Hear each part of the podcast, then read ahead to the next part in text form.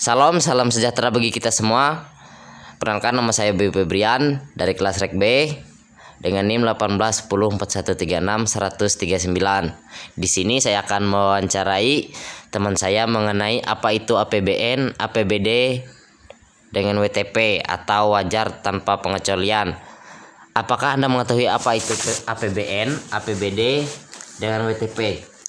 Baik, di sini saya akan menjawab pertanyaan dari Bayu Febrian. APBN merupakan kepanjangan dari Anggaran Pendapatan dan Belanja Negara. APBN ini adalah rencana keuangan tahunan pemerintah negara Indonesia yang disetujui oleh Dewan Perwakilan Dewan Perwakilan Rakyat. APBN berisi daftar sistematis dan terperinci yang memuat rencana penerimaan dan pengeluaran negara selama satu tahun anggaran. Kemudian APBD. APBD merupakan kepanjangan dari Anggaran Pendapatan dan Belanja Daerah. APBD ini merupakan instrumen kebijakan yang utama bagi pemerintah daerah. Anggaran daerah juga digunakan sebagai alat untuk menentukan besar pendapatan dan pengeluaran. Selanjutnya WTP.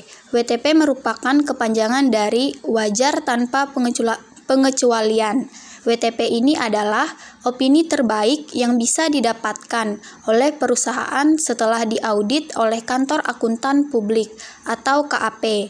Opini ini berarti laporan keuangan atau financial statement yang disusun oleh manajemen perusahaan tersebut sudah sesuai dengan pedoman atau standar akuntansi keuangan yang berlaku di daerah di mana entitas berada.